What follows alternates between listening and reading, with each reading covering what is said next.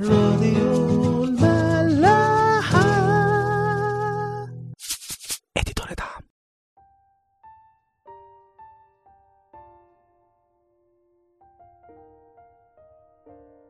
أهلا بيكم في حلقة جديدة من برنامج عيش وملح.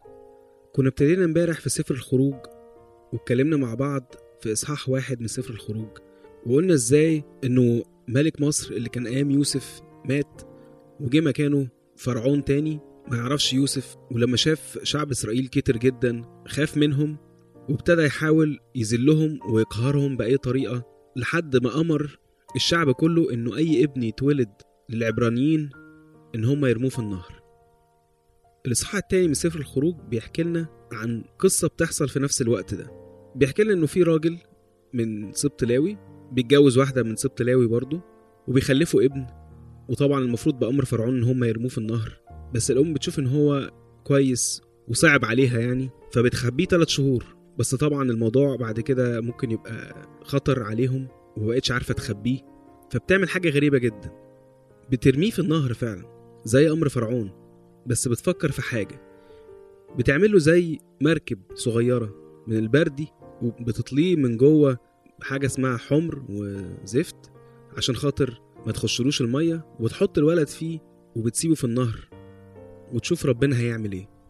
وبتبعت وراه أخته من بعيد عشان تعرف إيه اللي هيحصل له. في الوقت ده بتنزل بنت فرعون في النهر عشان زي تستحمى وجواريها طبعا معاها فبتشوف الصفت أو زي المركب الصغيرة دي ما بين الزرع وبتبعت الجواري بتوعها يجيبوه. فبتفتحه وبتشوف إن ولد الولد بيعيط فبيصعب عليها خصوصا إنها كانت عاقر ما بتخلفش فكان نفسها في أي ولد. وبتعرف على طول طبعا إن هو من أولاد العبرانيين.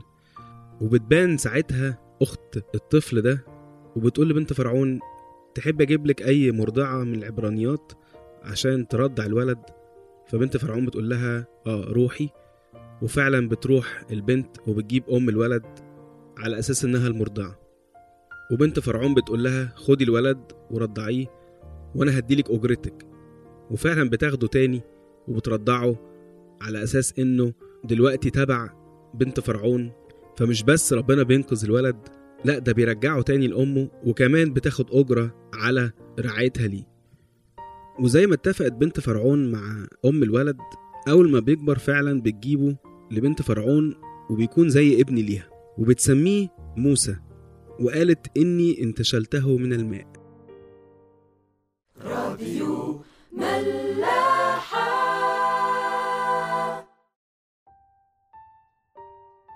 وبيكبر موسى في بيت فرعون وهو طبعا عارف أصله إنه عبراني وبيخرج في يوم يشوف إخواته عايشين إزاي في المذلة بتاعتهم وبيلاقي حاجة بتضايقه جدا بيلاقي راجل مصري بيضرب راجل عبراني من إخواته. موسى بيبص جنبه يمين وشمال ما بيلاقيش حد شايف فبيروح للمصري وبيقتله وبيدفنه في الرمل. آه، ولا من شاف ولا من دري. تاني يوم بيخرج وبيلاقي اتنين عبرانيين بيتخانقوا مع بعض. فبيروح لل... للمذنب وبيقول له انت ليه بتضرب صاحبك؟ فبيرد عليه بقى رد قوي جدا. بيقول له من جعلك رئيسا وقاضيا علينا؟ أمفتكر أنت بقتلي كما قتلت المصري؟ آه. موسى بيخاف جدا وبيعرف إن الموضوع انتشر لدرجة إن هو بيوصل لفرعون وبيطلب إن هم يجيبوا له موسى عشان يتقتل. موسى بيعرف الموضوع ده وبيهرب من فرعون وبيسكن في أرض اسمها أرض مديان. والأرض دي في المنطقة بتاعت سينا فممكن نتخيل آه، موسى هرب مسافة قد إيه من وجه فرعون. وبيروح يقعد عند بير كده المنطقة دي بتاعت مديان كان فيها كاهن عنده سبع بنات وكانوا بيجوا عند البير دي يملوا مية ويملوا الأجران عشان الغنم بتاعت أبوهم. فبيجوا آه، رعاة تانيين وغالبا بيتخانقوا معاهم على أولوية ال- الملي بتاع الأجران دي وبيطردوهم. فبيجي بقى موسى طبعا زي ما إحنا شفنا إن هو واخدها بدراعه. واضح إن ربنا كان مديله صحة زيادة. فبيتخانق مع الرعاة وبينقذ البنات منهم وبيسألهم غنمهم كمان. البنات طبعا بيروحوا لأبوهم ويقول لهم غريبة يعني جيتوا بسرعة النهاردة. فقالوا له آه ده في راجل مصري جه وأنقذنا من إيدين الرعاة. وكمان سقانا وسقى الغنم بتاعنا. فقال لبناته هو فين؟ إزاي سبتوه؟ روحوا اعزموه عشان يجي ياكل معانا. وفعلا بيروحوا يجيبوا موسى وموسى بيرضى إن هو يسكن مع الراجل ده. ومش بس كده ده بعدين بيجوز موسى لواحدة من بناته اسمها صفورة وبيخلف ابن اسمه جرشوم. يقول لأنه قال كنت نزيلا في أرض غريبة. بيعيش موسى في المكان ده فترة طويلة وبعدها بيحصل إنه ملك مصر في الوقت ده بيموت. ويقول لنا في آية 23 حاجة مؤثرة شوية. يقول وتنهد بنو إسرائيل من العبودية وصرخوا فصعد صراخهم إلى الله من أجل العبودية. ويكمل في آية 24 فسمع الله أنينهم فتذكر الله ميثاقه مع إبراهيم وإسحاق ويعقوب ونظر الله بني إسرائيل وعلم الله. قبل ما نتكلم عن الآيات دي عايزين بس نرجع لشخصية موسى من الكام حاجة اللي حصلت دول. أول حاجة بنلاحظها إن موسى كان عارف كويس إنه عبراني إنه مش مصري. حتى وإن كان متربي في بيت فرعون وبنت فرعون كانت واخداه ابن ليها بس هو فضل دايما فاكر أصله. في رسالة بولس الرسول إلى عبرانيين صح 11 آية 24 يقول لنا بالإيمان موسى لما كبر أبى أن يدعى ابن ابنة فرعون. مفضلا بالأحرى أن يذل مع شعب الله على أن يكون له تمتع وقتي بالخطية. حاسبا عار المسيح غنى أعظم من خزائن مصر لأنه كان ينظر إلى المجازاة. هو بولس بيسهل علينا التأمل في الحتة دي؟ لأنه زي ما إحنا كنا قلنا في الإصحاح اللي فات إنه فرعون في الوقت ده بيرمز للشيطان. فبالتالي أي حاجة مع فرعون تعتبر خطية.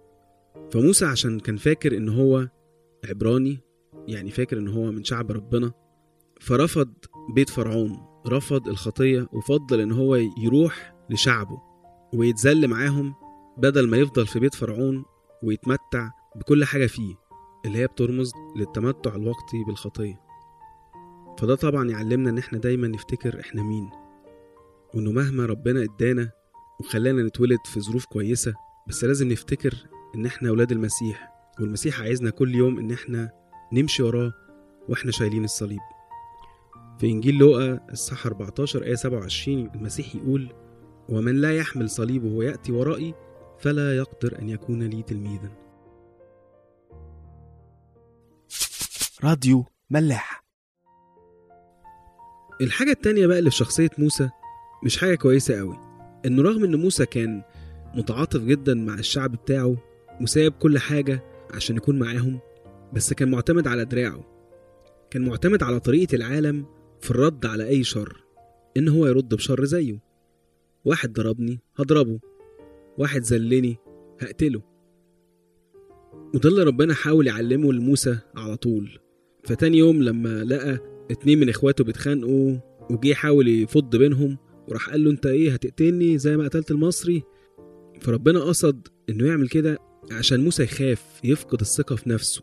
يفقد الثقة في طريقته في التعامل ويهرب. وياخده ربنا بقى فترة طويلة يحاول يعلمه إنه لأ الأمور مع ربنا ما تتاخدش كده. في رسالة بولس الرسول إلى أهل روميا إصحاح 12 آية 19 يقول لنا لا تنتقموا لأنفسكم أيها الأحباء بل اعطوا مكانا للغضب لأنه مكتوب لي النقمة أنا أجازي يقول الرب. فهو ربنا بيحاول يفهمنا إنه أولا أنت مش محتاج تنتقم لنفسك. لو أنا أبوك فعلا وأنت واثق فيا سيبني أنا أخد حقك.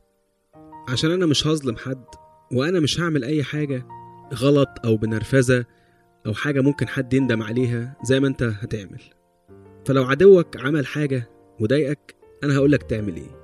بيكمل في آية 20 يقول له فإن جاع عدوك فاطعمه وإن عطش فاسقه لأنك إن فعلت هذا تجمع جمر نار على رأسه. وده طبعا تطبيق لوصية المسيح إزاي إن إحنا لازم نحب أعدائنا. والحب بتاعنا ده هيدفعنا للخير والخير ده هو الحاجة الوحيدة اللي ممكن نغلب بيها الشر مش الشر. بيكمل في آية 21 يقول لا يغلبنك الشر بل اغلب الشر بالخير. نرجع بقى للآيات اللي إحنا كنا لسه بنقراها إنه بنو إسرائيل تعبوا جدا من العبودية ويقول لنا الكتاب إن هم تنهدوا.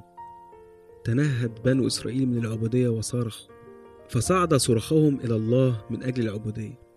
لازم نبقى عارفين كويس قوي إنه ربنا مش مستني مننا شكل معين للصلاة وإن هو ليه شفرة أو تميمة لازم نوصل لها ونقراها عشان ربنا يتحرك.